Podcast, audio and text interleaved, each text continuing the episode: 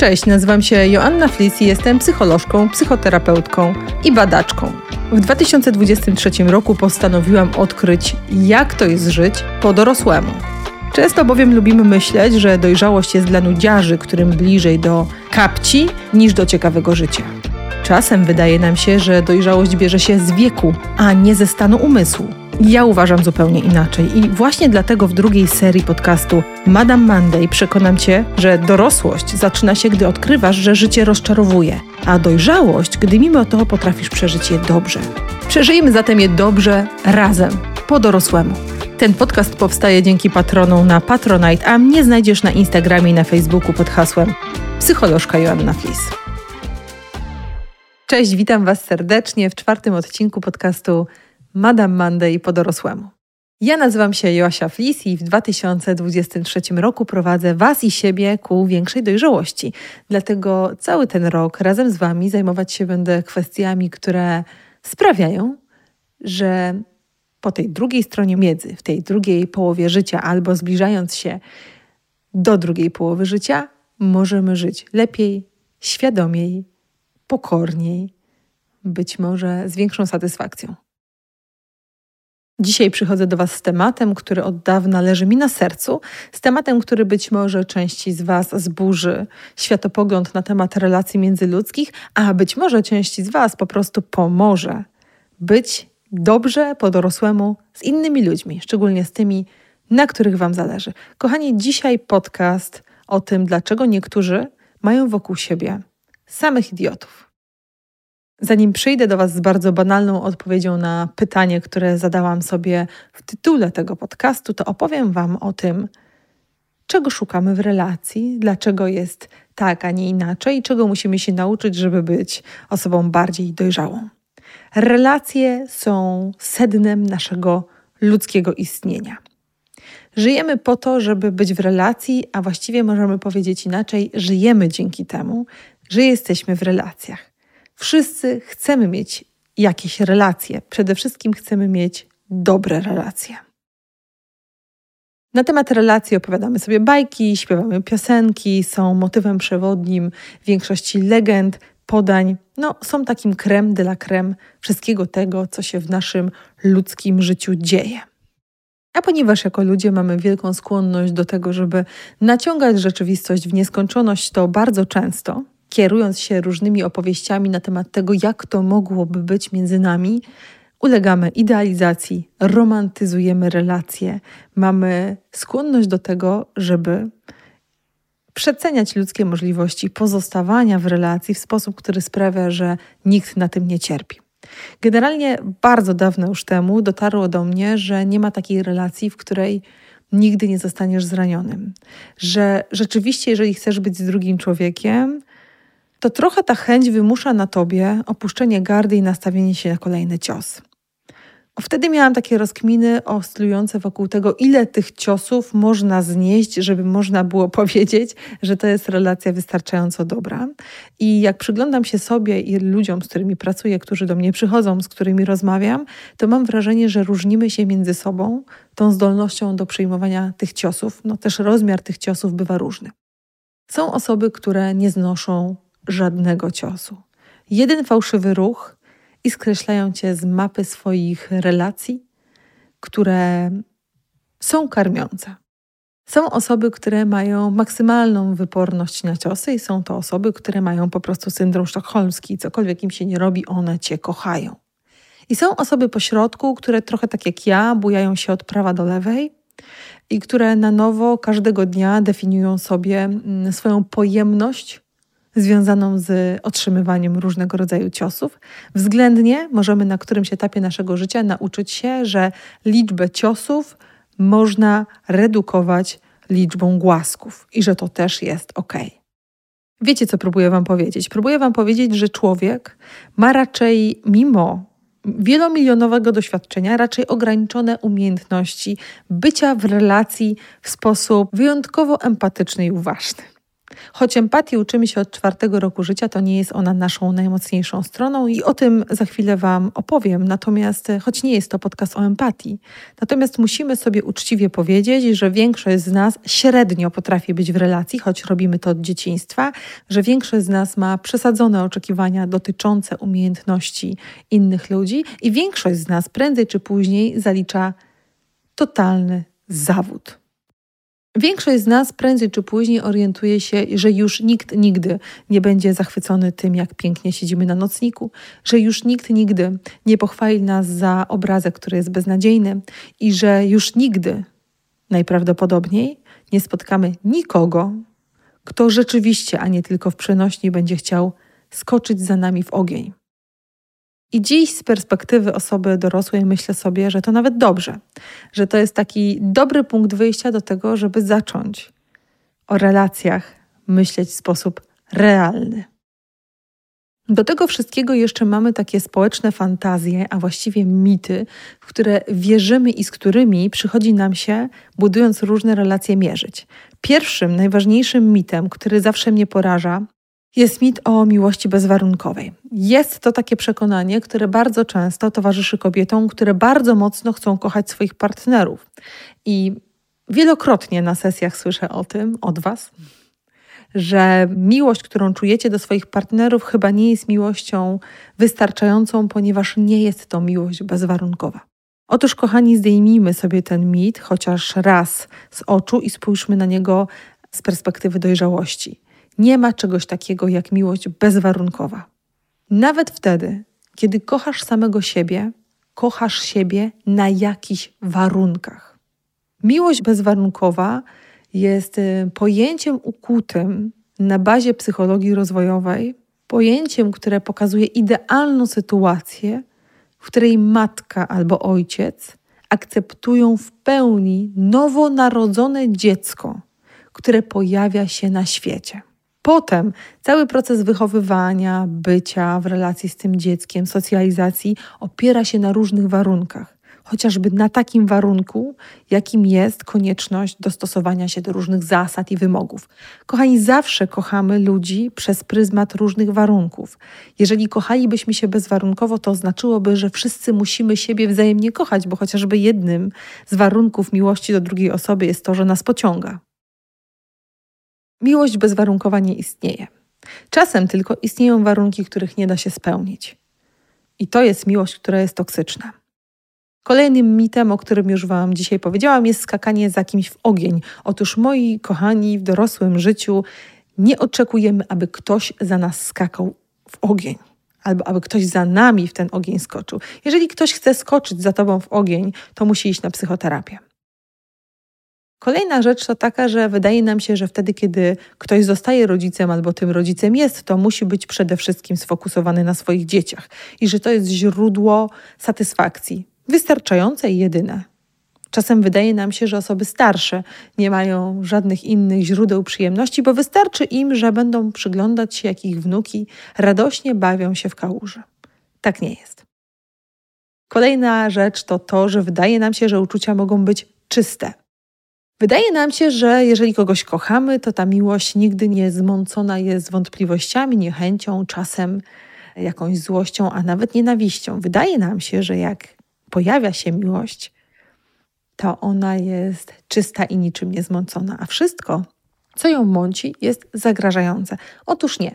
Wszystko, co ją mąci, jest przejawem kontaktu z bazą i przejawem świadomości, że druga osoba nigdy nie zaspokoi naszych wszystkich potrzeb w pełni. I że żadna relacja nie jest relacją, w której na stałe możemy doświadczać sprawiedliwości, wzajemności i wdzięczności. Czasem nam się też wydaje, że wtedy, kiedy ktoś nas kocha, to będzie miał nas zawsze w polu swojej uwagi. Czasem wydaje nam się, że kiedy nas ktoś kocha, to zawsze nas uwzględnia. Otóż nie, nie jest to prawda, bardzo podobnie jest z przyjaźnią. To, że ktoś mnie lubi i ze mną się przyjaźni, nie oznacza, że będzie zawsze uwzględniał moje potrzeby w swoich planach, na przykład planach towarzyskich. Jeżeli przyjdą Wam do głowy jeszcze jakieś inne mity na temat relacji społecznych, a jest ich masę, to ślijcie je do mnie. Na maila psychoterapiaflis.gmail.com. Ja bardzo chętnie się z tymi mitami zapoznam, bo być może zrobię drugą część tego odcinka po to, żebyśmy sobie pooglądali, jak bardzo jesteśmy roszczeniowi w relacjach. Bo kiedy przyjrzycie się tym mitom, to te mity zakładają, że ktoś, kto mnie kocha, musi się wyzbyć wszystkich swoich potrzeb, ludzkich instynktów, ludzkich odruchów na rzecz tej miłości wobec mnie. Zobaczcie, że te mity służą najczęściej osobie, która je wyznaje. No bo załóżmy, że spotykam mężczyznę swojego życia, który zaczyna kochać mnie bezwarunkowo, nie ma ode mnie żadnych oczekiwań w takim razie i mogę robić wszystko, a i tak mam jego miłość, który skoczy za mną w ogień, czyli który ma skłonności do autodestrukcji, który fokusuje się tylko na mnie i zawsze mnie uwzględnia, a przede wszystkim priorytetyzuje moje potrzeby. Z perspektywy klinicznej, gdyby spojrzeć na takiego mężczyznę, oznaczałoby to, że to jest mężczyzna, który ma bardzo głębokie zaburzenie osobowości. Z tej perspektywy musicie sobie uświadomić, że jeżeli chcecie być w relacji z kimś, kto jest zdrowy, dojrzały i dorosły, to będziecie w relacji z kimś, kto czasem wybiera siebie, kto ma większy kontakt z potrzebami swoimi niż waszymi, kto czasem wam odmawia, kto w polu swojego widzenia przede wszystkim ma siebie, i to jest norma, kto ma od Was oczekiwania i stawia Wam jakieś warunki i musi w tej relacji czuć, że wzrasta, żeby w niej chcieć być. Ale ja dzisiaj trochę nie o tym, bo ja dzisiaj o tym, co w takim razie sprawia, że część z nas czuje się w relacjach z ludźmi, którzy są niedoskonali i w większości tacy sami, świetnie, i co sprawia, że część z nas czuje się fatalnie. Są tacy ludzie, którzy opowiadają o tym, że mają wspaniałych przyjaciół, wspaniałą rodzinę, fantastycznych współpracowników, i są tacy, którzy na każdym polu mówią, że otaczają się idiotami. Z perspektywy naukowej to statystycznie niemożliwe. To oznacza, że kluczem do dokonania takiej oceny rzeczywistości jest nasze wnętrze. To my mamy skłonność do tego, żeby przypisywać komuś pozytywne cechy albo idiotyzm. Co sprawia, że mamy skłonność myśleć o naszych bliskich pozytywnie? Jedna magiczna, najważniejsza rzecz, którą chciałabym, abyście zapamiętali z tego podcastu i o której tak naprawdę ten podcast jest powrót do intencji. Mamy taką skłonność jako ludzie, coraz większą zresztą, że zaczynamy oceniać ludzi po pozorach. Oceniamy ich przede wszystkim po czynach. Jesteśmy dla nich i dla siebie coraz bardziej surowi. W perspektywie mitów, o których Wam opowiedziałam, mamy skłonność do tego, żeby mówić dobry, zły, do skasowania, nie do skasowania, lubię, nie lubię. Kiedy stajemy się tacy powierzchowni, surowi i krytyczni, to tracimy z oczu to, co jest najbardziej ludzkie. To, co sprawia, że my jako ludzie możemy i potrafimy sobie wzajemnie wybaczać. To, co sprawia, że jako ludzie jesteśmy w stanie utrzymywać relacje z innymi ludźmi, którzy są niedoskonali. Ta jedna rzecz, która odróżnia nas najprawdopodobniej od zwierząt, nazywa się intencja. Zdolność do dostrzegania cudzych intencji jest ogromną częścią empatii zdolność do tego, żeby zadać sobie pytanie o to, jaka była intencja tej osoby, jest częścią naszej mądrości. Bardzo się różnimy między sobą tym, co myślimy o osobie, z którą jesteśmy w związku, w relacji albo z którą pracujemy. Skupmy się w tej chwili na związkach. Różnimy się między sobą taką fantazją o tym, jaką pierwotną wobec nas intencję ma nasz partner, nasza partnerka. Ja jako terapeuta uważam, że to jest coś, od czego należałoby zacząć autodiagnozę, kiedy się zastanawiamy, czy ten związek w ogóle ma sens. Jeżeli jesteś w stanie wyobrazić sobie, że twój partner bez względu na wszystko, co robi i co mówi w relacji, ma wobec ciebie pozytywną intencję, to jest jeszcze o co walczyć. Nie namawiam cię do tego, żebyś patrzyła albo patrzył takimi oczami na kogoś, kto ciebie krzywdzi, rani, nienawidzi, oszukuje regularnie i zdradza. Wtedy intencja nas nie interesuje. Interesuje nas prawdziwa intencja. Jeżeli jesteśmy w relacjach, na których nam zależy, to najważniejsza rzecz, jakiej musimy się nauczyć, to powracać do intencji. Jaka jest intencja osoby, która się ze mną przyjaźni? Dobra, ta osoba życzy mi dobrze. Jaka jest intencja mojego partnera, z którym jestem? Dobra, ten mężczyzna albo ta kobieta mnie kocha, ma dobrą intencję. Na powierzchni intencji pojawiają się zachowania, i czasem te zachowania są naprawdę od czapy. Czasem ktoś mówi coś, co nas rani, czasem ktoś robi coś, co rani nas do żywego. Ale kiedy jestem w stanie pomyśleć o tym zachowaniu jako efekcie ubocznym człowieczeństwa i powrócić do myślenia o intencji, to jestem w domu do tego, żeby otaczali mnie sami ludzie, o których jestem w stanie, jeszcze jestem w stanie powiedzieć, że są dobrzy, wartościowi, przyjaźni mi. Wiecie, że jest taka grupa osób, osób cierpiących w relacjach, która nikomu nie jest w stanie przypisać dobrej intencji? To są ludzie, którzy zawsze są w pozycji ofiary. To są ludzie, którzy z kimkolwiek, gdziekolwiek nie są, podejrzewają drugą stronę o, o to, że chce mnie upokorzyć, o to, że chce mnie ośmieszyć, o to, że chce mnie wykorzystać, o to, że chce mnie okłamać, o to, że coś knuje przeciwko mnie. To są bardzo często osoby, które mają wokół siebie, jak każdy z nas, ludzi zwykłych, przeciętnych, skłonnych do działania altruistycznego, dobrego i do takiego, w którym naprawdę kogoś boli do żywego.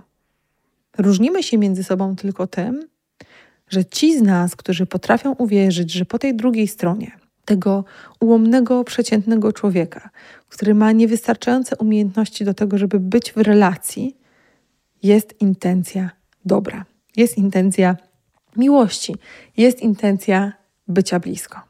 Chcę Ci przez to powiedzieć, że masz szansę być blisko z drugim człowiekiem, że masz szansę mieć przyjaciół, że masz szansę mieć miłość, że masz szansę mieć dobre relacje ze swoimi dziećmi, pod warunkiem, że dopuścisz do głosu swojego serca i swojego umysłu ich intencje i pod warunkiem, że będziesz potrafiła, potrafił przypisać im dobre intencje. To jest nasza różnica indywidualna, osobowościowa. To, jaką mamy skłonność do dostrzegania cudzych intencji, bardzo mocno zależy od tego, w jakim domu się wychowywaliśmy i co na tego mać świata przekazali nam nasi opiekunowie. To jest taki zapis, który w nas pracuje i który potrafi zmieniać cały krajobraz społeczny wokół nas.